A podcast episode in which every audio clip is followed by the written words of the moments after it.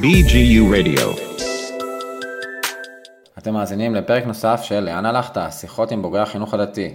לפני שאתן הקדמה קצרה לפרק הנוכחי, אני רוצה לספר לכם על שיתוף פעולה מעניין עם חגי משגב מקבוצת הצד החם, ציונות דתית חשיבה מחודשת בפייסבוק, שזה קבוצה שיש בה המון המון המון המון דיונים סביב הנושא של הציונות הדתית, וגם אנחנו משתתפים בדיונים שם, וכל פרק של לאן הלכת עולה בקבוצה הזאת, ומזמין אתכם המאזינים להשתתף בדיונים סביב החינוך הדתי ובוגרי החינוך הדתי.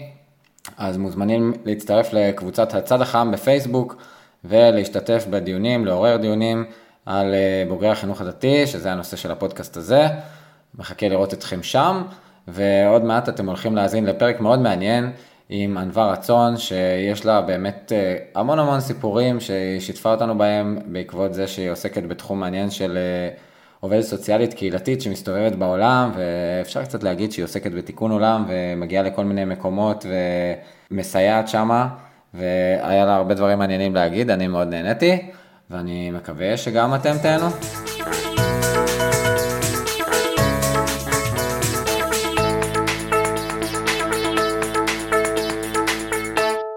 ברוכים הבאים לפרק נוסף של לאן הלכת, שיחות עם בוגרי החינוך הדתי.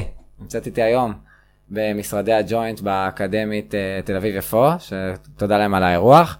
אני יושב פה עם אה, ענווה רצון, צהריים טובים ענווה. שלום, העניינים? אה, אנחנו סבבה, הגענו, הצלחנו להרים את הציוד, ברוך השם, אפשר להתחיל להקליט. אחרי אז, הרבה ניסיונות גם. אחרי הרבה ניסיונות ותאומים ומלחמה בעזה ששיבשה לנו הקלטה, אנחנו פה, ברוך השם. אז טוב, יאללה, בוא נתחיל, בואי תציגי לנו מה, במה את עוסקת היום. אה, אז היום אני עובדת אה, סוציאלית קהילתית.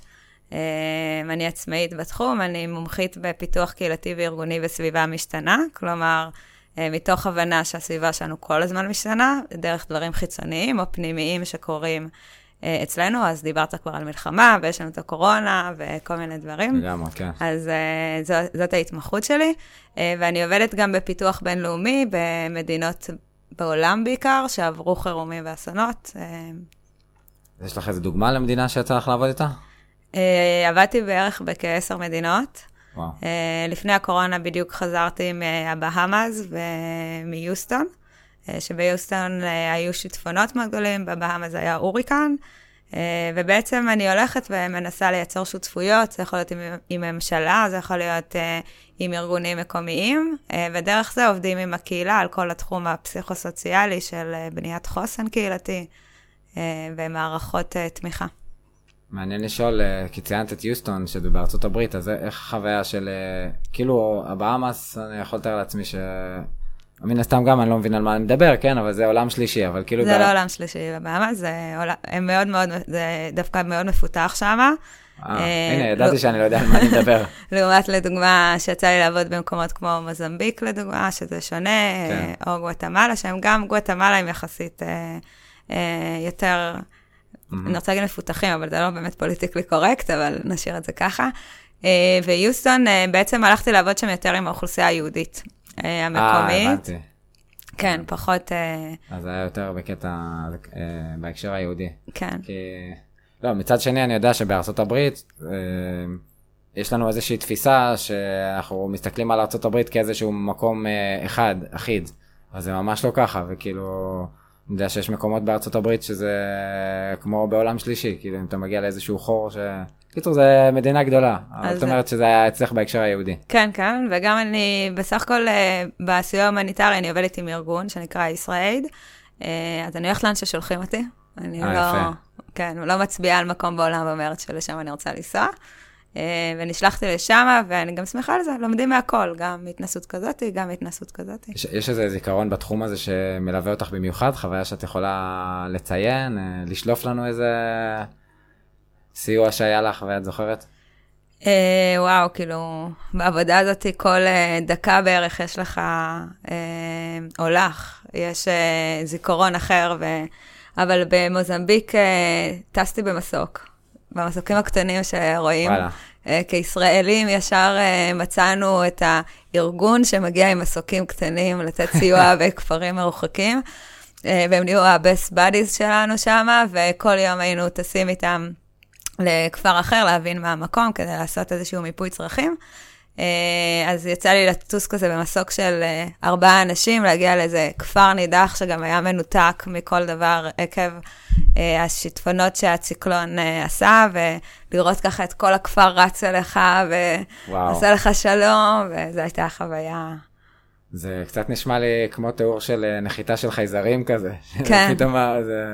יש מצב. לא, כאילו משהו דרמטי. כן. Uh, יכול, כאילו, אתה יודע, אה, זה תמיד uh, מעניין לראות איך אנחנו מגיעים עם התפיסות שלנו, uh, המערביות, כשהם מגיעים לעולם uh, אחר, קצת עם תרבות מאוד שונה.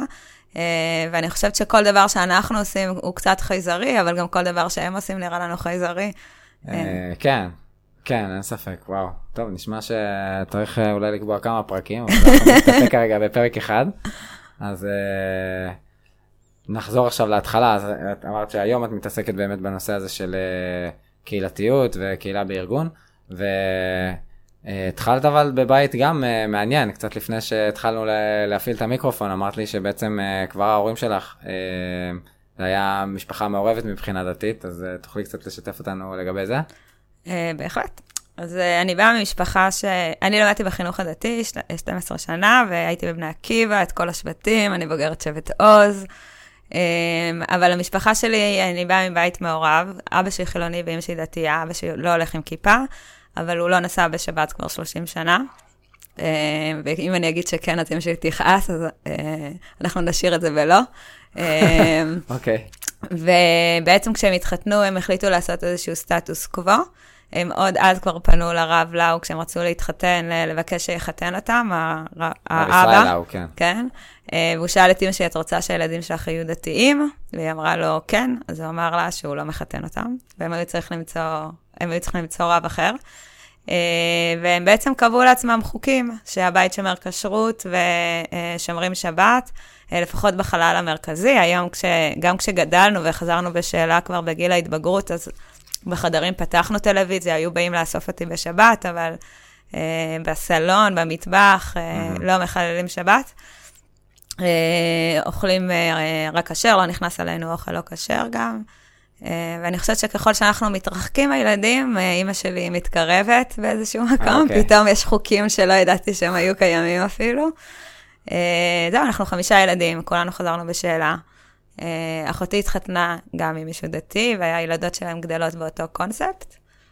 מעניין, יש לך זווית כאילו מאוד מיוחדת. אה, כן, היה לך עוד חברות שהכרת בסיטואציה כזאת, או שתמיד הרגשת שאת... אז זהו, גדלתי בכוכב יאיר, שזה יישוב של... רוב האוכלוסייה הדתית שם הם דתיים כזה, כיפה סרוגה, אבל uh, כולם יודעים מה התוצאות של משחקי כדורגל בשבת בבית הכנסת, בואו נגדיר את okay. זה אוקיי. ככה. אמ, אז למדו איתי ביסודי הרבה אנשים שאו באים ממשפחות אה, חילוניות שחשוב להם המסורת, אה, או משפחות מעורבות, או דתיות. אה, אז, אז לא הרגשתי שונה, מה גם שהמשפחה שלי, למשל, אבא שלי ימני ואמא שלי שמאלנית, אבא שלי תימני ואמא שלי אשכנזייה. אה, אוקיי. אתה תמצא אצלנו בארוחת שבת אנשים שמצביעים לרשימה המשותפת, ותמצא אנשים שמצביעים לבנט. אה, אז בגדול... אה, בסוף זו אותה ממשלה, זה לא. עכשיו כן. אז אה, בגדול למדנו לחשוב. כאילו, אני חושבת שזה מה שלמדנו מתוך כל הקונספט הזה. וואלה. ובחינוך הדתי עצמו, כאילו, מה היה החוויה שלך? זה תלוי, את היסודי מאוד אהבתי. כאילו, למדנו גם בנים ובנות ביחד, ואנחנו אותם חבר'ה. מכיתה ז' כבר זה הפך להיות לי לא נעים. אני התעקשתי ללכת לבית ספר צביה. אה, כי כל החברות שלי הלכו. אה, בכוכב עיר, בכיתה ז' יוצאים כן. אה, החוצה. והורים שאמרו לי, לא, אל תלכי, זה בית ספר מאוד עתיק, יהיה לך קשה להסתדר, ואני התעקשתי, כי אני בן אדם עקשן. ובאמת בכיתה ט' עזבתי, אחרי שבכיתה ח' הראו להורים שלי שמתוך 200 ימי לימוד לא הייתי נוכחת בערך ב-180. וואלה. לפעמים הייתי תופסת טרמפים אה, הייתי מגיעה לבית ספר, תופסת טרמפים חזרה הביתה. אה, לפעמים בכלל לא הייתי טורחת לקום מהמיטה. אה, אין לי חוויות כל כך טובות מהמורות שם או מהמנהל כן. שם. בית ספר אליטיסטי אשכנזי, אפשר להגיד. כמו הרבה מהכיפה הסרוגה, מצטערת כל הכיפה הסרוגה. ואז עברתי להראל, שקצת שינה לי אפילו מאוד את, הקונס, את הקונספט. זה בית ספר בעצם בכפר סבא, שהייתה לי את המנהלת הכי מדהימה בעולם. היא כבר נפטרה, קוראים לה רבקה קוקולביץ', mm-hmm. והיא לקחה על עצמה גם לתוך הבית ספר לקחת המון נערות שכמעט נפלטו מכל המסגרות, ולערבב wow. אותנו.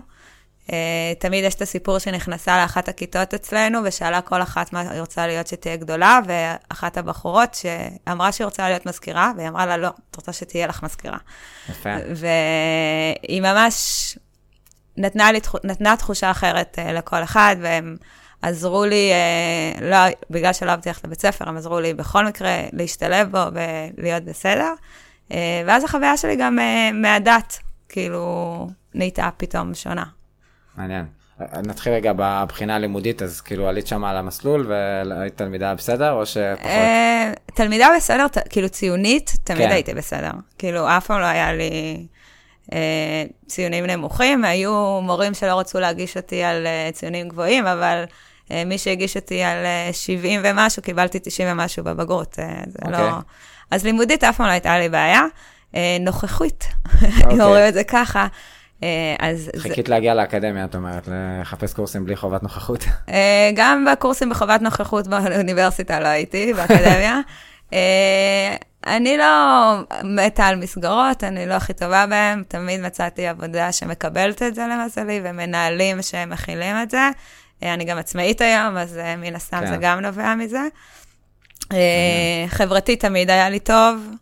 אה, אני חושבת שהיה לי קשה שהם מדדו לי עם סרגל את החצאית או את השרוול. זה, כן. זה קצת ואני... זילות של כל ה... אני מבין אבל שבבית ספר הראל זה כבר לא היה. היה להם אולי קצת, כאילו אם בנות הגזימו, שם אני לא הגזמתי, אבל אם בנות הגזימו, אז, אז יכלו להעיר להם וזה בסדר, גם בית ספר חילוני מעירים. כן, לכל מקום יש איזה שהם גבולות. כן, אבל uh, בצביעה זה...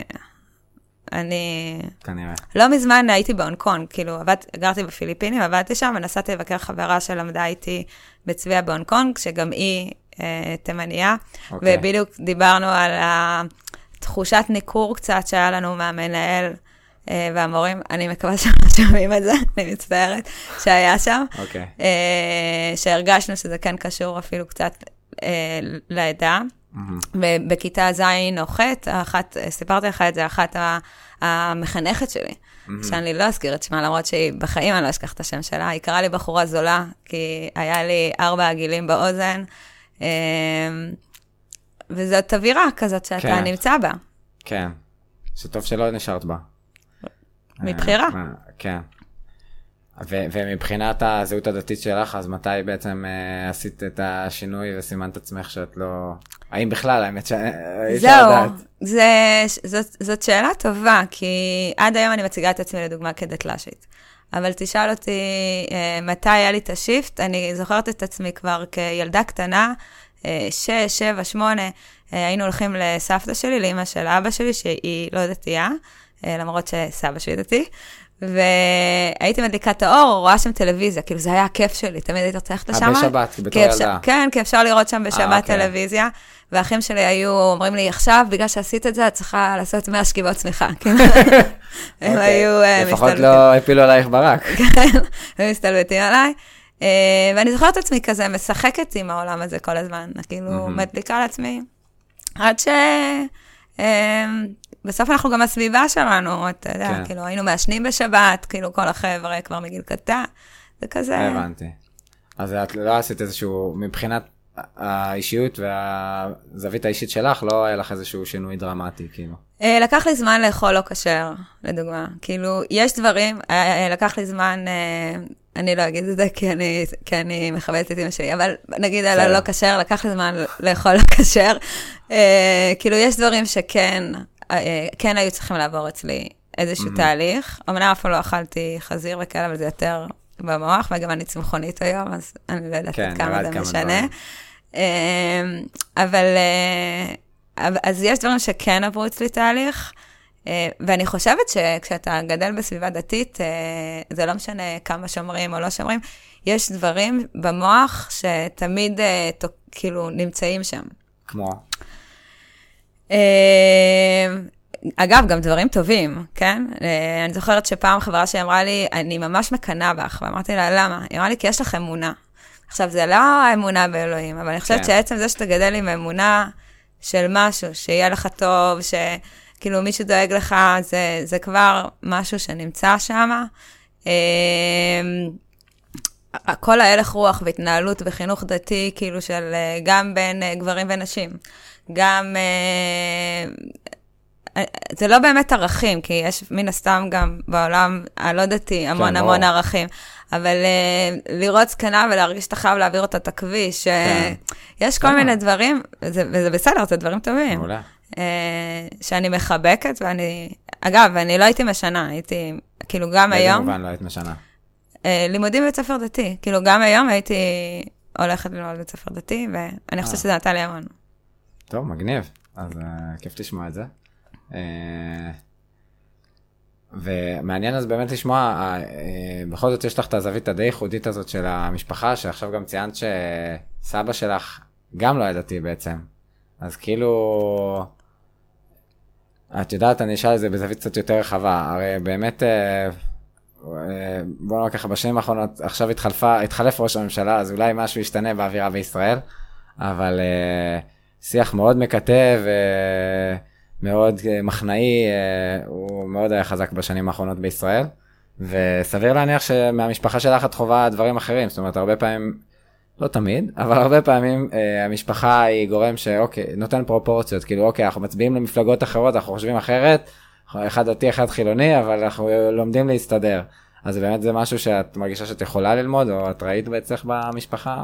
האמת היא שכל פעם שאני רואה שאנשים מדברים על שיח מפלג, אני אומרת, על מה הם מדברים? כאילו, כל כך אפשר, כן. אה, יש לי באמת במשפחה חב"דניקים, ויש לי חסידים, ויש קרלין, כאילו, כל מה שלא רוצים, mm-hmm. מהצד אשכנזי מן הסתם. אה, שליחים באוקראינה, וברוסיה, ומירושלים, מביתר, מאלעד. אה, אני אפילו זוכרת את עצמי בתור ילדה הולכת אה, למשפחה החב"דניקית שלי ורואה איתם קלטות של הרבי מלובביץ'. אה, אז באמת אה, יש אצלנו הכל מהכל, ו... אה, ודנים, מדברים. לפעמים הטונים עולים, אבל עדיין אוהבים ועדיין אה, חיים ביחד באותו בית, כאילו שזה לא לגור באותה מדינה. כן. פשוט באותו בית. אז אה, אני חושבת שכן, אני חושבת שאנחנו פשוט... אה, את זה דווקא אני לוקחת מהבודהיזם, אנחנו אה, מאוד מזדהים עם הדעות שלנו. אה, כלומר, אם מישהו חושב משהו אחר, אנחנו הרבה פעמים לוקחים את זה כאילו אה, משהו של, ש, שמעבירים ביקורת עלינו, ולא על דעה או על מחשבה. אה. אה. זה לא יוצר שיח, זה יוצר אה, כאילו אה, ביקורתיות כלפי בן אדם. אה, ואני חושבת שאם אה, קצת ננסה, מה שנקרא unattachment, אה, לדעות שלנו, ונבין שהדעות שלנו זה הנרטיב שלנו, זה הנקודת מבט שלנו, זה לא יותר מזה וזה לא פחות מזה.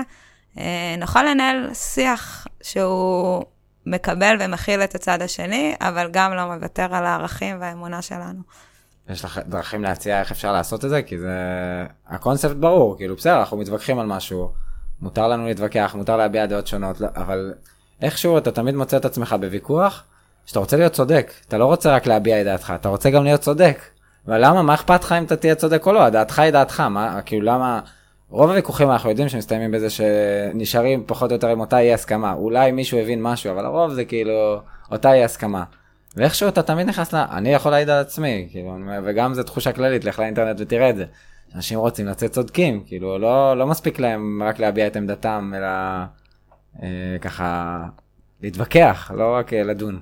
אה, גורו ג'י, שהוא אה, היינגר של, אה, אה, זה סוג של יוגה, אה, הוא תמיד אמר ש-practice make it perfect. אה, ואני חושבת שזה עניין של אימון. של uh, כשמתחיל המקום הזה, אז uh, להתחיל להתאמן, של בלעצור ולהקשיב, uh, ואולי אפילו איזשהו שיח פנימי, הוא לא אומר את זה נגדי, הוא אומר את זה לי, כאילו, הוא מנסה לנהל איתי שיח. Uh, וגם uh, לא לקרוא, כאילו, אני לא יודעת אם שמת לב, אבל קראתי לזה מלכתחילה ויכוח. כאילו, כן. וזה לא ויכוח, זה דעות, uh, שמותר לאנשים שיהיו דעות שונות, וזה בסדר. Uh, יש לי איזשהו משפט בראש שלא יוצא לי החוצה, נראה לי של איינשטיין, אבל לא אוקיי, משנה. בוא נבדוק.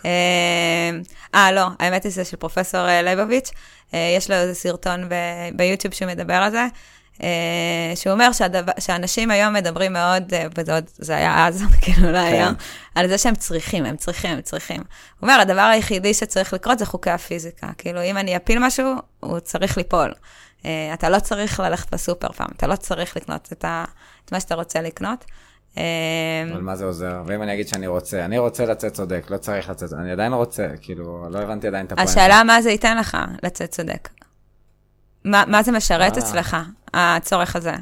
נראה לי תשאל את עצמך, כאילו, האם הכעס הזה, או מה שייווצר בינך לבין מי שתדבר איתו, שווה את הניסיון כן. שלך להצדיק את עצמך, או שהוא לא שווה? אולי עצם זה ששנייה תעצור ותקשיב לאותו בן אדם, ותנסה לראות את הדברים, כן. אולי אפילו מהעיניים שלו, זה גם מייצר אמפתיה, זה מייצר המון תחושות שהן דווקא חיוביות. האמת שכשדיברת עכשיו על הקשבה, פתאום קראתי, אני מקשיב הרבה בתור מראיין בפודקאסט, ואני אומר לך, זה עושה קסמים, כאילו, כבר הרבה זמן מתעסק עם פודקאסטים, קיבלתי איזה כמה הצעות עבודה, אתה מקשיב למישהו, הוא מתחיל לחשוב עליך דברים טובים, אבל אתה צריך באמת להיכנס לעמדת הקשבה, אז לוקח את זה לגמרי. אני אקפוץ רגע לנושא אחר, כבר הזכרנו פודקאסטים, גם אמרת לי שאת בעצמך מפיקה איזשהו פודקאסט, אז הזדמנות קצת שתציגי את זה גם. כן, אז יש לי פודקאסט יחד עם שותף שקוראים לו דניאל אופק, שגם הוא עובד סוציאלי קהילתי, והוא מנחה לבינוי קהילתי, בינוי קהילה בחברה למתנסים. הוא נקרא דיבורי קהילה, Community Talks, שהוא בעצם נולד מתוך ההבנה שעולם הקהילה משתנה, והוא כבר לא רק מנת חלקם של עובדים סוציאליים קהילתיים, כבר נכנסים המון המון שחקנים, וצריכים להתחיל לראות, אפרופו ויכוחים וכולי, על איך יוצרים משהו משותף, ולא מפתחים עוד ועוד דיסציפלינות שקשורות, ואיך לוקחים קצת מכל דבר, גם אולי מה שמתאים. אז ו... כל פרק עוסק באיזושהי זווית על עולם הקהילות, כאילו? כן, זה יכול להיות ההתפתחות של הקהילה, זה יכול להיות על קהילות דיגיטליות, זה יכול להיות על יצירת שותפויות, על גישור ועל גישור. אז ממש ממש כל אחד עוסק בנושא אחר, עם מרואיינים חלק מהאקדמיה, חלק מהשטח. וואלה, מעניין. טוב, אז מי שבתחום, דיבורי קהילה. דיבורי כן. קהילה, נשמע ממש נחמד. וזה מעביר אותי באמת לשלב הבא, לנושא הבא של בעצם אז, אוקיי, סיימת תיכון דתי ויש לך את כל הרקע המשפחתי המעניין הזה. וכשהיית צריכה בעצם לבחור לאן להמשיך, אז מה, מה הוביל אותך אה, ככה לבחור בתחום הזה של עבודה סוציאלית, קהילה? אמ, אז uh, הלכתי לצבא, טיילתי שנה, אוסטרליה, ניו זילנד, ו... וואי, אוקיי. ו... יש לי חלום יום אחד להגיע לניו זילנד, לא יודע אם זה יקרה, אבל... שישאר, זה, אתה חייב ללכת, אני בטוח אחזור לשם. Uh, יש לי אפילו, נתקעתי שם פעם על איזה הר עם הרכב, uh, הלך לי איזה משהו ברכב. וואו. וחילצה אותי איזו משפחה שיחד עם הרכב, המוסך אמר שהרכב הלך, טיילתי לבד, והם לקחו אותי אליהם הביתה לחוות עיזים. כמובן. כן, ועבדתי איתם בחווה. וההורים שלי שלחו להם אחר כך ספר על תמונות של ארץ ישראל, והיא מצאה אותי לפני כמה שנים בפייסבוק. האימא, כן, ואנחנו מתכתבות הרבה, והייתי אמורה לטוס ממש לפני הקורונה, לעבוד, ללכת להרצות באיזשהו כנס באוסטרליה, ותכננתי לקחת חודש חופש ולנסוע אליה, אבל קורונה וזה. אז, איך, אז בעצם חזרתי לארץ בשנת 2006, מהטיול הגדול שלי, ומלחמת לבנון השנייה התחילה, והיו לי שם שני אחים בתוך. וואו. Uh, הייתי שנה עם הדלת פתוחה, כדי שהם ידפקו בדלת, אני אשמע ולא אימא שלי. Uh, ונפצעו לי חברים, והכרתי אנשים גם ככה שנהרגו. Uh, ואני תמיד חלמתי לגור בצפון, מאז שאני ילדה, אבל אצלי במשפחה הולכים רק לאוניברסיטה, מכללה זה okay. אוקיי. טאבו. אבל כמו שאמרתי אז עם צביה, אני עקשנית. והחלטתי שאני הולכת uh, ללמוד בתל חי, ואימא, ואימא שלי היא פרופסור, היום היא ראש לבית ספר, בית ספר לבריאות באוניברסיטת תל אביב, mm-hmm. והיא בדקה מה החוג הכי נחשב ב, לדעתה.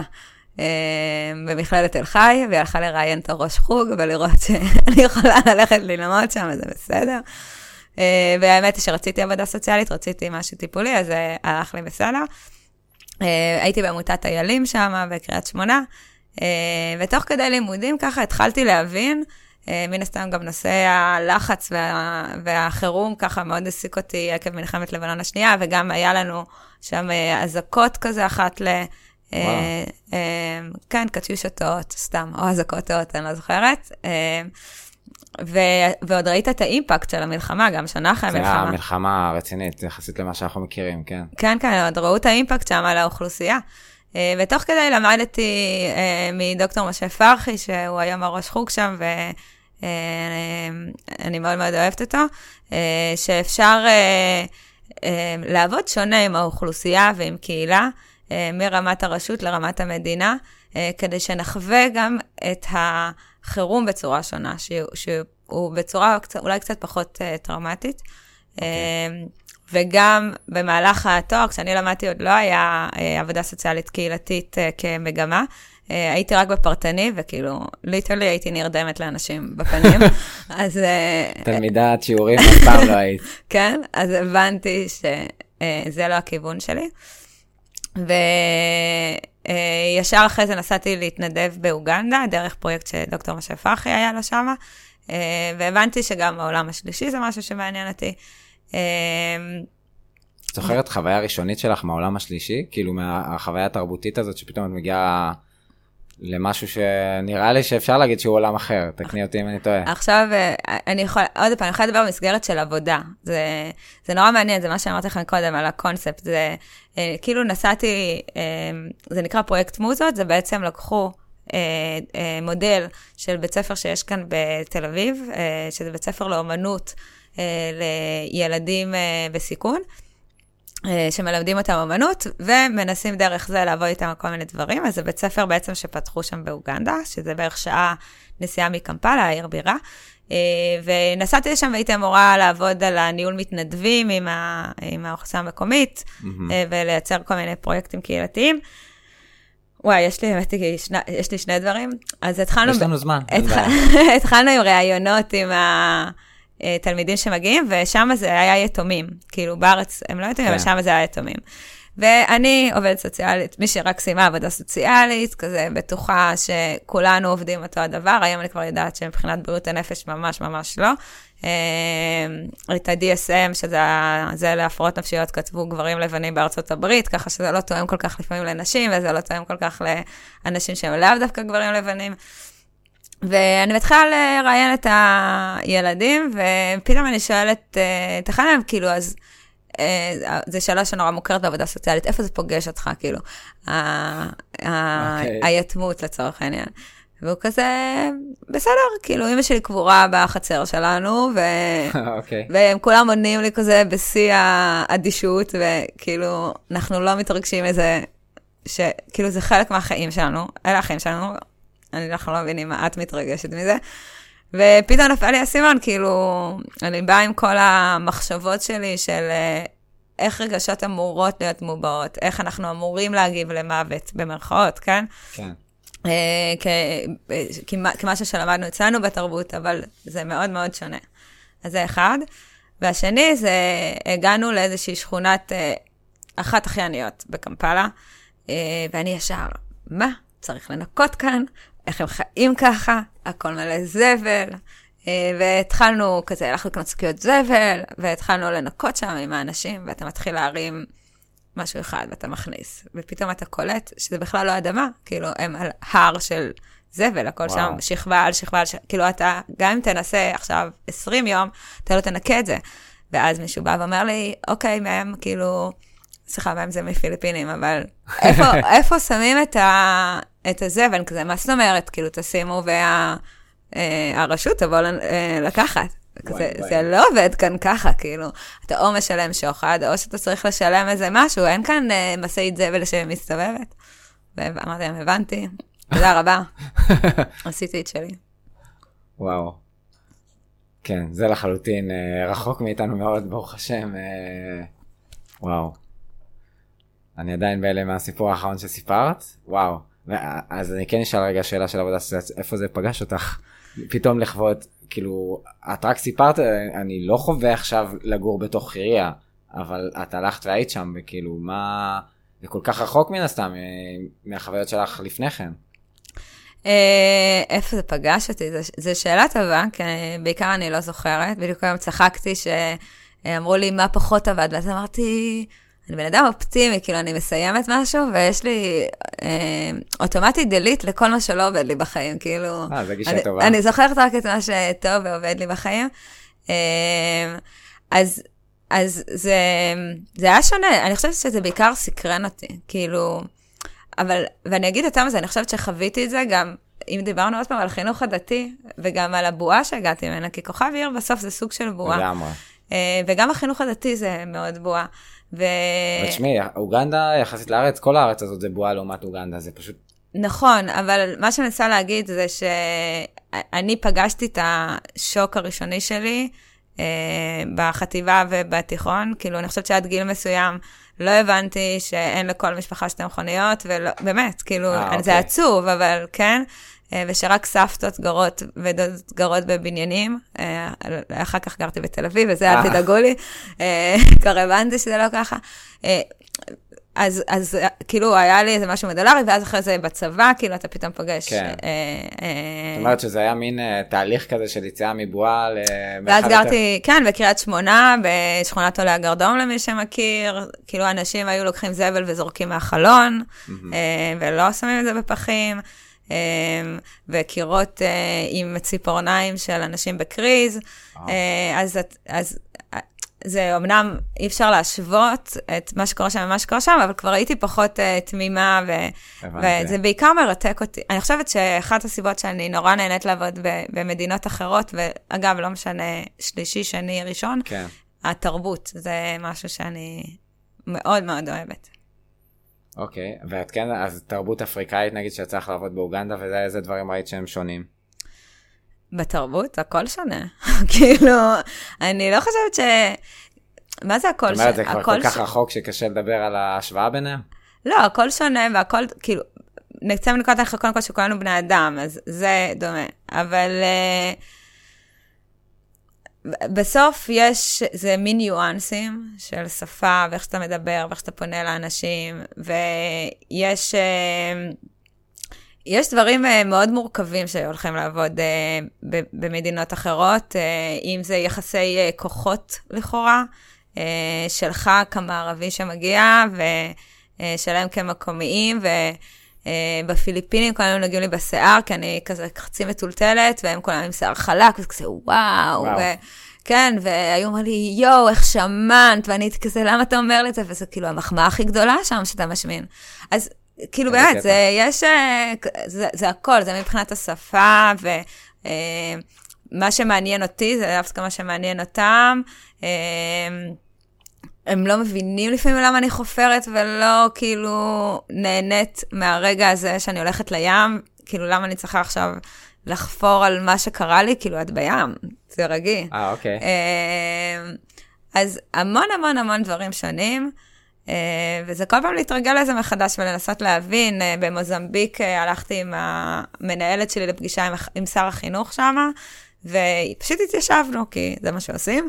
והוא דיבר איתנו, והוא כל הזמן מסתכל על, עליי ומדבר איתי. ואני אומרת לו, באיזשהו שלב, כאילו, דבר איתה, היא המנהלת. אז עצרו את הפגישה, ביקשו ממני להתחלף במקומות, כי מתברר אה. שמי שיותר בכיר יושב מצד ימין. אז חזק, כן. אתה מבין? כאילו, זה נראה לכולם שזה כזה דברים גדולים, אבל זה ממש בדברים קטנים. איזה קטע. במקדונלדס בפיליפינים, לדוגמה, מוכרים, הארוחה מגיעה עם אורז, כי אם לא אוכלים אורז, זה לא ארוחה, אוקיי. זה מזכיר לי קצת אה, ארוחה בלי לחם אצל יהודים, כאילו. נכון? יפה. אמ, ואחרי אוגנדה בעצם אה, איך אה, המשכת? איך המשכת להתפתח? אז ישר אחרי אוגנדה התחלתי את התואר השני שלי בניהול מצבי חירום ואסון באוניברסיטת בן גוריון, וקודם הלכתי לעשות, סתם לנהל איזשהו מועדון נוער, כי עוד לא ידעתי מה אני רוצה לעשות, ותוך כדי הבנתי שאני כן רוצה להיות עובדת סוציאלית, והתחלתי לעבוד במועצה אזורית חוף הכרמל, עם uh, שוש אלעזר, שהייתה אז מנהלת המחלקה, שהיא אישה מדהימה. Uh, התחלתי לעבוד עם מפוני גוש קטיף, שהסופה? שלהם, כן, אוקיי. שהם אה, בנווה ים. הם הגיעו עד היום, אין להם בתים אגב, לכל מי שרוצה לדעת. אה, הם עדיין גרים בקרווילות שם. וכשסיימתי את התואר השני הראשון שלי בניהול מצבי חירום ואסון, הרגשתי ש... זה היה במקביל לעבודה בחוף הכרמל? עבדתי שם חצי משרה ולמדתי חצי משרה. בבן גוריון. כן, זה. פעם בשבוע, תואר שני זה פעם אה, בשבוע, הבנתי. וגרתי בעמק חפר. עדיין זה רחוק, אבל יפה, בסדר. כן, כבר הבנו מה רמת הנוכחות שלי. ואז התחלתי להיות עובדת סוציאלית קהילתית, ודרך שם התחלתי לעבוד בעצם אה, אחת האנשים, אה, אישה שעד היום אני בקשר איתה, מדהימה, מדהימה. אה, יש לה ילד עם אוטיזם, והיה לה נורא חשוב, היא היא דיברה איתי על זה הרבה, שבגוש קטיף היא הקימה שם את כל השירותים כדי שיהיה לו איפה להיות, ואז היא מגיעה לחוף הכרמל ואין שום שירות לאנשים עם כן. צרכים מיוחדים. ויחד איתה, מאוד אה, עובדת סוציאלית במחלקה, והמנהלת, בעצם אה, יצרנו שם אה, כל מיני פלטפורמות שעד היום קיימות, וחלק גם התפתחו מאז במועצה אה, לילדים עם צרכים מיוחדים. אה, והתחלתי להבין שבעצם אני עובדת סוציאלית קהילתית, הייתה לי מדריכה גם שעבדה איתי על זה, והבנתי שחסרים לי כלים של זה, והלכתי לעוד תואר שני אחד, בפיתוח קהילתי וארגוני אה, בבר אילן. אה, ולאט לאט התחלתי לעצב את, אה, את הזהות המקצועית שלי, משם עברתי לעבוד בקואליציה הישראלית לטראומה, עבדתי עם החברה הבדואית אה, בלקיה, חורה, שגב שלום, עוד פעם, תרבויות ו, ומה שאני אוהבת. והקמתי שם את מרכז ההכשרות באזור מרכז, ואז נוצר פתח דרך המנהל המדהים שהיה לי שם, אוהד אבירם, לטוס לנפאל אחרי הרעידת אדמה. וזה אה, הפעם, אוקיי. שזה גם היה החלום שלי מאז אוגנדה לעשות את הדברים האלה. אה, וטסתי, הייתי שם פעמיים, והבנתי שזה מה שאני רוצה לעשות. אה, והגיעה אליי במקרה, או לא במקרה, במייל פתאום הצעת עבודה על ישראיד ופיליפינים, ולקחתי אותה ועברתי לפיליפינים, וואלה. חזרתי לארץ. יפה. אז פחות או יותר אה, זה, השנים האחרונות שלך זה במסלול הזה גם של אה, עבודה קהילתית וגם אה, אה, אזורי אסון, משהו כזה? אה, כן, אה, אז, כן, אזורי חירום ואזורי אסון. אה, אני קצינה בפיקוד העורף, כאילו אני מתחילת הקורונה, אני כבר בערך כ-300 ימי מילואים. וואו. אז אני בין דו למולטי דיסציפלינרית, אפשר להגיד. אני גם מקפידה כל שנה ללמוד משהו אחר, אה, לאו דווקא מקצועי, כלומר עשיתי קורס סקיפרים, קורס מדריכי יוגה, סקיפרים? מה זה סקיפר? אה, ולהשיט אה, אוקיי, יפה. כן, לא סיימתי, הלכתי עם אבא שלי, עשינו ביחד, אה, כי טסתי באמצע, אה, עשיתי קורס מדריכי יוגה ולמדתי המון שיטות טיפול. אה, אז אני כזה בין כל הנושא של טראומה, טראומטיזציה משנית, שחיקה ולחץ, לפיתוח קהילתי, כמובן, וכן, מצבי החירום והאסון. אוקיי. יש לי שאלה שמעניין לשאול בהקשר של הפודקאסט והחינוך הדתי, שאני חושב שבאמת אה, נושא של קהילה בציבור הדתי זה נושא מאוד משמעותי. נכון. ויש לך איזושהי זווית שאת מסתכלת על זה, כאילו תובנות שאת מסתכלת על הקהילה הדתית, אה, יתרונות, חסרונות, לא יודע, משהו שאת יכולה לשתף? אני אנשום עמוק לפני. Uh, אני חושבת שקהילה זה דבר מצוין, uh, וגם קהילה, קהילה דתית היא דבר מצוין, כאילו זה לא משנה בכלל איזה קהילה זה, וקהילה דתית היא קהילה מאוד חזקה, כלומר, גם בקורונה עכשיו ראינו את זה שהקהילות החרדיות והדתיות הלאומיות, ובכלל כל מקום שהייתה בו קהילתיות פשוט, וגם החברה הערבית אגב, כאילו כל מקום שיש בו קהילתיות, כן. היה להם, uh, התמודדו יותר טוב כקהילה, uh, וצלחו יותר טוב כקהילה את המשבר הזה. אז כמובן שיש זה קהילות דתיות, קהילות דתיות, יש להם המון גמ"חים והמון ארגוני חסד גם, שעוזרים ומסייעים, ויש היכרות יותר אינטימית עם התושבים, אז אם משהו קורה למישהו, תמיד יודעים. Uh, החסרונות, אני לא יודעת אם זה קשור לקהילה דתית. אני חושבת שפשוט קהילה דתית, יש לה איפה שהדברים האלה יקרה, אבל אני מרגישה שהיא מאוד רכלנית. אה, אה, אבל נראה לי כל קהילה צמודה זה ככה, גם קיבוץ. ו... נכון, נכון, אבל בקהילה, אני חושבת, בעיר, לדוגמה, אה, הבית, כאילו, אצל דתיים, הבית, יש מקום שאתה נפגש בו אחת לשבוע, אז כאילו, אתה יכול להתחיל לדבר ולהפריך את השמועות, כאילו, זה לא רק בטלפון או הודעה, כאילו, זה מקום שכולם נמצאים בו, כן. והדבר רץ כזה בתוך הקהילה. בסדר, בקיבוצים, אני לא יודע מה קורה היום, אבל פעם היה את החדר אוכל, וכאילו... נכון, לא, אז קיבוץ, אגב, מאוד דומה לקהילה דתית. אני כן, חושבת, כן. כאילו, יש בזה המון שכאילו- פשוט אני מחדד את זה שקהילות אה, צפופות, זה, יש תחביב לאנשים לדבר על אנשים אה, אחרים, אני אישית ספק רכילות מעולה, לא עוקב מה אומרים עליי מאחורי הגב, כן שמעתי פעם שאמרו לי שהיה דיון שולחן שבת מלא רק על הסיפור האישי שלי, אז אה, איכשהו זה עבר אליי, לא משנה. אה, מה שאני בא להגיד זה כאילו תופעה אנושית, כאילו אנשים אוהבים לדבר על אנשים אחרים, ואם יש לנו קהילה שאפשר uh, באופן עסיסי להעביר מידע אחד על השני, אז כן, זה בהחלט קורה בקהילות דתיות. לגמרי, התחלתי עם זה גם. Uh, אני חושבת שהאלמנט שקיים בקהילה דתית, אבל שקשור לריחולים, אה, זה כמה שיש לנו יותר איסורים, וכמה שיש לנו יותר uh, גבולות ודברים שאפשר או אסור, יש לנו יותר דברים שהם טאבו, ואסור לעשות. או, וזה, זה בהחלט. ואני חושבת שזה אולי מה שיותר חזק בקהילה הדתית מקהילות אחרות. אני אישית כבר לא הולכת לבית הכנסת, אני לא אוהבת את זה, זה לא נעים לי. Mm-hmm. אתה מגיע וזה מרגיש, כמובן שזה לא קורה, אבל זה מרגיש שכולם מסתכלים עליך. להראות שזה לא קורה באמת. אה, זה הנרקיסיזם הקל אה, אולי שיש. זה גם נכון, אבל ברור שמסתכלים עליך יותר, כאילו, מאשר... אה, כן, וזה משהו שאני פחות מתחברת אליו. אני מתפללת בלב אולי. אוקיי. או בכלל לא. כן, אז, אז כמו כל דבר, יש לזה את היתרונות ויש לזה את החסרונות. אבל אם אתה בתוך העולם הזה, והערכים האלה וה... אה, והמצוות, או וואטאבר, הסגנון חיים מתאים לך, אז אני בטוחה שהיתרונות אה, עולים על החסרונות. אולי גם זה, עצם זה שאני פחות מתחברת אה, כן. לדבר הזה, ואני, היום אני עושה, אני לא חושבת שאני, אני חושבת שיש לי המון ערכים מהדת. כאילו, אני לא חושבת, כן, אני לא יכולה להגיד שעזבתי כן. את הדת. אה, נניח אמא שלי פעם הייתה אומרת שזה הדבר הכי קשה שקרה לה בחיים, שכולנו חילונים, ואמרתי לה, אמא, את בסדר? כאילו, אנשים חולמים שיהיו להם ילדים אה, כאילו כמונו, אז אין לנו כיפה, אנחנו לא שומרי שבת, אבל תראי איזה ערכים מדהימים לקחנו ממך, כאילו, כן. הכבוד שלנו לאנשים. כאילו, העבודה שלנו, הערכים שיש לנו בעולם הזה. מדהים, באמת. אמ, אז, אז יש לי המון משם, אבל אה, כן, יש דברים שאני פחות מתחברת. כן.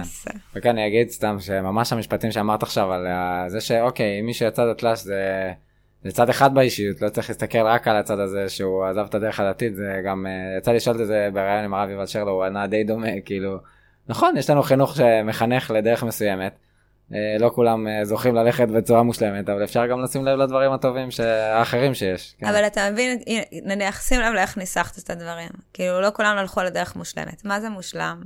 מי מחליט מה זה מושלם? כאילו, אם אתה עם כיפה ואתה שומר שבת, אז אתה מושלם? טוב, לא אמרתי, אמרתי ללכת, אה, זה, זה עכשיו אני אביא לך ציטוט מהר המור, אנחנו לא צדיקים, אנחנו הולכים בדרכם של הצדיקים. כן, זה הדרך של הצדיקים לשמור שבת, מה אני יכול להגיד לך? לפחות לפי תפיסה מסוימת, כאילו. האם היו צדיקים שלא שמרו שבת? אני שואלת ברצינות, אני לא יודעת. נש... אם את שואלת אותי, אז זה לא מסתדר, כאילו, מה זה צדיק שלא שומר שבת? צדיק זה אחד שמקיים את התורה. אז... אה, משה רבינו שמר שבת? ברור. באמת? היה עד שבת? ברגע שהתחיל לשמור שבת, אז שמרו שבת, כאילו, אה, זה לא כל כך משנה הביצוע, יותר משנה המוכנות לבצע, נעשה ונשמע, זה הערך הגדול. כן, זה גם אה, ליבוביץ'. את מוציאה פה ממש, אה, את מוציאה ממני אה, עכשיו את כל הדוסיות שלי שזורמת בדם למרות שכבר לא במוח. אמ, אני כן אשמח עוד משהו על קהילה דתית, זאת אומרת מעניין אותי אם את יכולה לתת איזשהו אספקט מכל הניסיון שלך שמסתכל על קהילה ודוגמאות כאילו שקיימות ב... שאת מכירה בהתנהלות של החברה הדתית שכן שמבטא משהו מה, מהניסיון התיאורטי שלך או כאילו מהמרחב לא יודע נגיד אה, המשמעות של אה, של ההליכה הקבועה הזאת לבית כנסת המקום מפגש כאילו איך איך קוראים לזה במילים של שפה קהילתית את יכולה לחבר את זה? כן, אז בעצם יש לקהילה דתית, יש המון אה, אירועים, ושאירועים הוא דבר, זה משהו שמאוד מחבר קהילות. אז מלכתחילה יש את האירועים, ויש את הטקסיות, שזה משהו שמאוד חשוב בקהילות, שהוא קיים. יש נרטיב, mm-hmm. שנרטיב זה גם משהו אה, חשוב. מנהיגות, אה, אמון במנהיגות, הרבה פעמים יש, יש מקומות שיש פחות, אבל... יש אולי גם מקומות עם יותר מדי. נכון. אז יש לכידות מאוד גדולה, ויש ערבות הדדית, וכל אלה הם בעצם מדדים וסממנים של mm-hmm. קהילה. אה, ואפילו גם אה, נקודות שעובדים עליהן כדי לייצר קהילתיות במקומות. כן. ומלכתחילה אה, נמצאים בחברה הדתית, זה כמו סתם, זה אחוות הדתיים השלובים. לגמרי, ש... בדיוק, על זה חשבתי. כן, שזה לא משנה אפילו אם לא גדלת, לא הכרת, תשמע שמישהו דתי, או דת, כאילו כבר יהיה לכם על מה לדבר, כבר יש כן. שם את המקום של החיבוריות, שגם זה עוד מדד בתוך קהילתיות, אה, שנמצא שיש לך אה, מה לעשות, ואתה אפילו לא צריך להיות באותו מרחב פיזי כדי שיהיה את זה, יש איזושהי... כן. אה, הנרטיב הזה, לא יודע, בני עקיבא, כאילו, אה, היית בני עקיבא, איזה שבט, אה, שעון, כאילו, עולם אתה מושגים. מכיר את, כן. אה, כאילו, אתה תמיד תמצא אה, מי נמצא שם, ואני חושבת, וקהילה דתית היא, כמעט כל קהילה, אבל קהילה דתית היא, יש לה המון המון מה, אה, מכל הפרמטרים בעצם של, כן. של קהילה. שהיא רואה גם את, את, את הסובייקט וגם את ה, אה, הקהילה כקהילה. אה, אוקיי. כאילו, אתה היחיד והיחד בשפת בני עקיבא אי פעם. בדיוק. אלון כן. נעלה. על- אה, מגניב. יפה. אה, מעניין לי גם, כ... את סך הכל, אה, אני אציין שההיכרות שלי איתך הגיעה דרך אה, קבוצת הפייסבוק החוקי, שזה של קבוצה... יעל אורן. של יעל אורן, שקבוצה ככה ארצית לנושא של קידום אחריות חברתית וקהילה, זה החוקי, ויזמות חברתית, ומעניין אותי קצת לשמוע, אולי את מרגישה שיש לך איזושהי אג'נדה ספציפית של איך, אה, כאילו דברים שבמיוחד היית רוצה לראות אותם מתקדמים ומשתפרים, אה, תיקון, אה, כאילו תיקון עולם אולי, לא יודע, זה מצחיק, אני... אמנם כל הארגונים היהודים שעובדים בכל העולם מדברים כאן על תיקון עולם. תיקון ותיקון עולם. כן, זה קצת מעצבן, אני חייבת להגיד. אה, זה מגיע, נראה לי, ממקום שרואה אותנו כיותר טובים, או... אה, ואנחנו לא.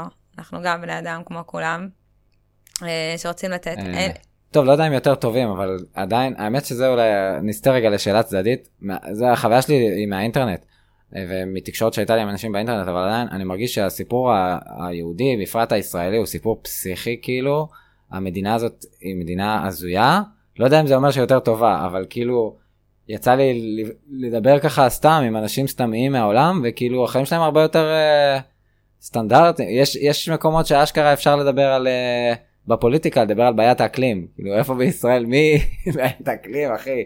כאילו יש פה דברים הרבה יותר אה, אלמנטריים בחיים אז דווקא אז- מדברים המון על בעיית האקלים בארץ. אה, מי שמדבר אבל אני אומר כן. ברמה הפוליטית כאילו יש פה דברים הרבה יותר בשיח הציבורי יש פה דברים הרבה יותר מיידיים כאילו אמ, אתה צודק, תראה, כש, כשטיילתי את אחרי הצבא, פתאום הבנתי באיזה מדינה כאילו משוגעת אנחנו, אמ, אנחנו חיים, וכמה היא גורמת לנו להתבגר בצורה לא פרופורציונלית לשלב ההתפתחותי לכאורה, שאנחנו. אמורים להיות בו, אמ, שזה משוגע.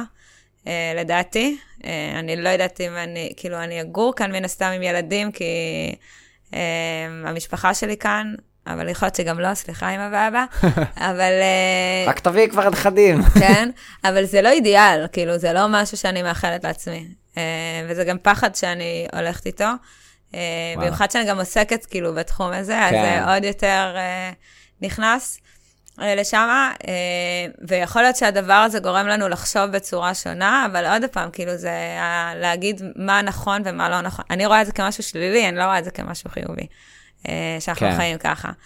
טוב. ושאין לנו זמן לדבר על אקלים, כי אנחנו צריכים לדאוג להישרדות, כן? אה, אז, אז זה מהצד זה איך שאת רואה את זה. בכל אופן הגענו לזה בגלל התיקון עולם והגישה אז- היהודית הזאת אז התחלת להתייחס לזה. כן, אז אה, גם זה, אני חושבת אה, שגם אה, אצ- אצל יהודים יש רוצחים ואנסים ורמאים ומיידוף כן. ואנשים שהם לא תיקון עולם, וגם בעולם יש אנשים שהם כן תיקון עולם, וזה לא קשור כן. לגזע שלך או לדת שלך או וואטאבר. אם יש משהו שאני רוצה לעשות, אני מאמינה שנועדנו בסוף כאנשים להרבות טוב בעולם. מהמם. וזה מתחיל בהקשבה, אם אה, נחזור לשם, יפה. ואמפתיה, ולראות את האחר. וזה לא משנה אם אתה מנהל חברה של מיליארדים, אה, חברה עסקית, או שאתה אה, עובד סוציאלי, או וואטאבר. התפקיד שלנו הוא לה- להרבות טוב בעולם, כי רק ככה אנחנו נחיה טוב בעולם. זה יופי. מעניין באמת אה, בקטע הזה של האמפתיה והרבה התעסקת עם אה, מצבי אסון את יכולה לתת איזושהי דוגמה של אה, תהליך של אמפתיה ש... כי נראה לי באמת זה יכול נגיד מישהו נמצא באיזשהו מצב חירום אתה יכול לדאוג לו למים לאוכל לקורת גג לכל מיני דברים וביחד עם זה כנראה סביר להניח שגם האמפתיה, האמפתיה היא מרכיב מאוד חשוב בסיוע. אז אני אתן דוגמה אולי שונה, אני מדריכה, מדריכת סטודנטים לעבודה סוציאלית, והייתה לי מדריכה מהחברה, אה, מודרכת, סליחה, סטודנטית מהחברה הערבית. אה, ובהדרכה יש חשיבות למידת פתיחות ולשיח שיכול להיווצר, היא עשתה את ההכשרה שלה במקום אה, יהודי, בתור ערבייה יחידה. אמ, ו, ותמיד היה שם משהו כאילו שמדברים עליו ולא מדברים עליו. Mm-hmm. ובהדרכה זה גם משהו מאוד מאוד עדין, שצריך אה, להבין, אני מצטערת אם אנשים לא יתחברו למה שאני אגיד עכשיו, אבל אין מה לעשות, את תהליכים אה, אנושיים, ש, שיש כאן מלבד היותי המדריכה שלה, שזה כבר יחסי כוח, אה, יש כאן אה, סיפור ונרטיב של אה, כובש ונכבש, זה לא משנה כן, של איזה נכון. צד, ויש כל מיני דברים, הצד השולט והנשלט, כן. ועשינו הדרכה יום אחד, ממש לפני יום הזיכרון, וואו. ולא סיימנו אותה כשהתחילה הצפירה, ואני עמדתי, והיא חיבתה את המחשב, היא חיבתה את המצלמה. ואז... ואז היא פתחה אותה, ואמרתי לה, את יודעת, אני מאוד מאוד מעריכה את זה, אה, שכיבדת אותי. כאילו, למרות שלך קשה כן. אה, להישאר עם המצלמה הפתוחה, שכיבית את המצלמה. ואני מודעת לזה שאצלך היום הזה, גם יום העצמאות, הוא נרטיב אחר, הוא נרטיב של הנכבה. כן. אה, וזה לא משנה אם אני מסכימה איתך או לא, כאילו זה הסיפור של המשפחה כן. שלך, וזה הסיפור של המשפחה שלי, וזה בסדר שאנחנו יכולות להיות ביחד. כן. ומאותו הרגע, משהו ב... איזה יופי. כן. דינמיקה. דינמיקה שלנו מאוד השתנה, בפתיחות שלה, אה, ובאמצע היה גם סבב מלחמה. אה, ובאותו יום... זה ממש סיפור טרי. כאילו, ובאותו יום של, כן, ובאותו יום של ההדרכה, אה, כשהיה שומר חומות, היא לא רצתה לדבר, היא רצתה רק לדבר על דברים טכניים, ואמרתי לה שזה בסדר. ואז לאט לאט התחלנו לדבר, והתחילה לספר לי את הנרטיב שלה, שזה כן. מפחיד אותה ללכת למכללה, וזה מפחיד אותה אה, כל מיני דברים, ומפחיד אותה שיהודים יפגעו בה, ו, ו, ונתתי מקום לדבר הזה, והיא אמרה לי בסוף, את יודעת, ענווה, אה, השיחה איתך מאוד עוזרת לי למשבר זהות שאני נמצאת בו כרגע, כי אני תמיד האמנתי בדו-קיום, ואני מרגישה ששומר חומות קצת שבר לי את הדו-קיום הזה, כן. ופתאום כשאני רואה שיש עם מי לדבר גם בצד השני, אני חוזרת כן. להאמין בזה. אז בכיתי. זה כיף שעכשיו את צוחקת, אבל באמת זה מרגש אה, מאוד. ואני חושבת שזאת אה, האמפתיה, כאילו, אתה יודע, אני לא מסכימה איתה, אבל זאת האמפתיה. לגמרי, אין ספק שטיבול של אמפתיה בתוך הסכסוך הישראלי-ערבי אה, יוכל לתרום לנסות. האמת שאני אם כבר כן עלה, העלינו עכשיו את הנושא הזה, אז יש יוזמה שאני רואה בפייסבוק וקצת עוקב אחריה שנקראת היוזמה לצמצום הסכסוך. לא נכנסתי לעומק אבל אהבתי את הכותרת, כאילו יש פה כמו שתיארת נרטיבים מאוד מאוד חזקים ו- ופערים מאוד מאוד גדולים. אז בוא נעשה עם אמפתיה, בוא ננסה לצמצם את זה, לא כאילו... זה, אתה יודע, זה, כשאנחנו מדברים זה לא רק אמפתיה, זה ההכרה. נכון. זה הכרה ש... כי בסוף אובייקטיבית, הם ברחו מהבית. בסוף, אובייקטיבית, הם אה, איבדו את ה... חלק הם גם גורשו, אין ספק. גורשו, הם איבדו את הבתים שלהם, אובייקטיבית מתו גם בצד שלהם אנשים. אובייקטיבית זה קרה. עכשיו בוא נכיר בזה. משם נתחיל לדבר מי השטח של מה, כן. אבל כשלא מתנגדים לכל דבר שאתה אומר, אלא יש איזושהי הכרה בסבל כן. ובכאב אה, של הצד השני. טוב, זה... אה, זה לא נפתח את כל הנושא הזה, אבל זה באמת אה, נושא כבד. אני, אני באמת זורק רק משפט אחד, שבתחום הזה של הסכסוך הישראלי-ערבי, אז באמת זה... הייתי לאחרונה באיזשהו מפגש זום כזה של, של שיח יהודים ערבים. והיה לי מעניין כי זה באמת לא, לא יצא לי ביום יום לדבר עם אה, אוכלוסייה ערבית.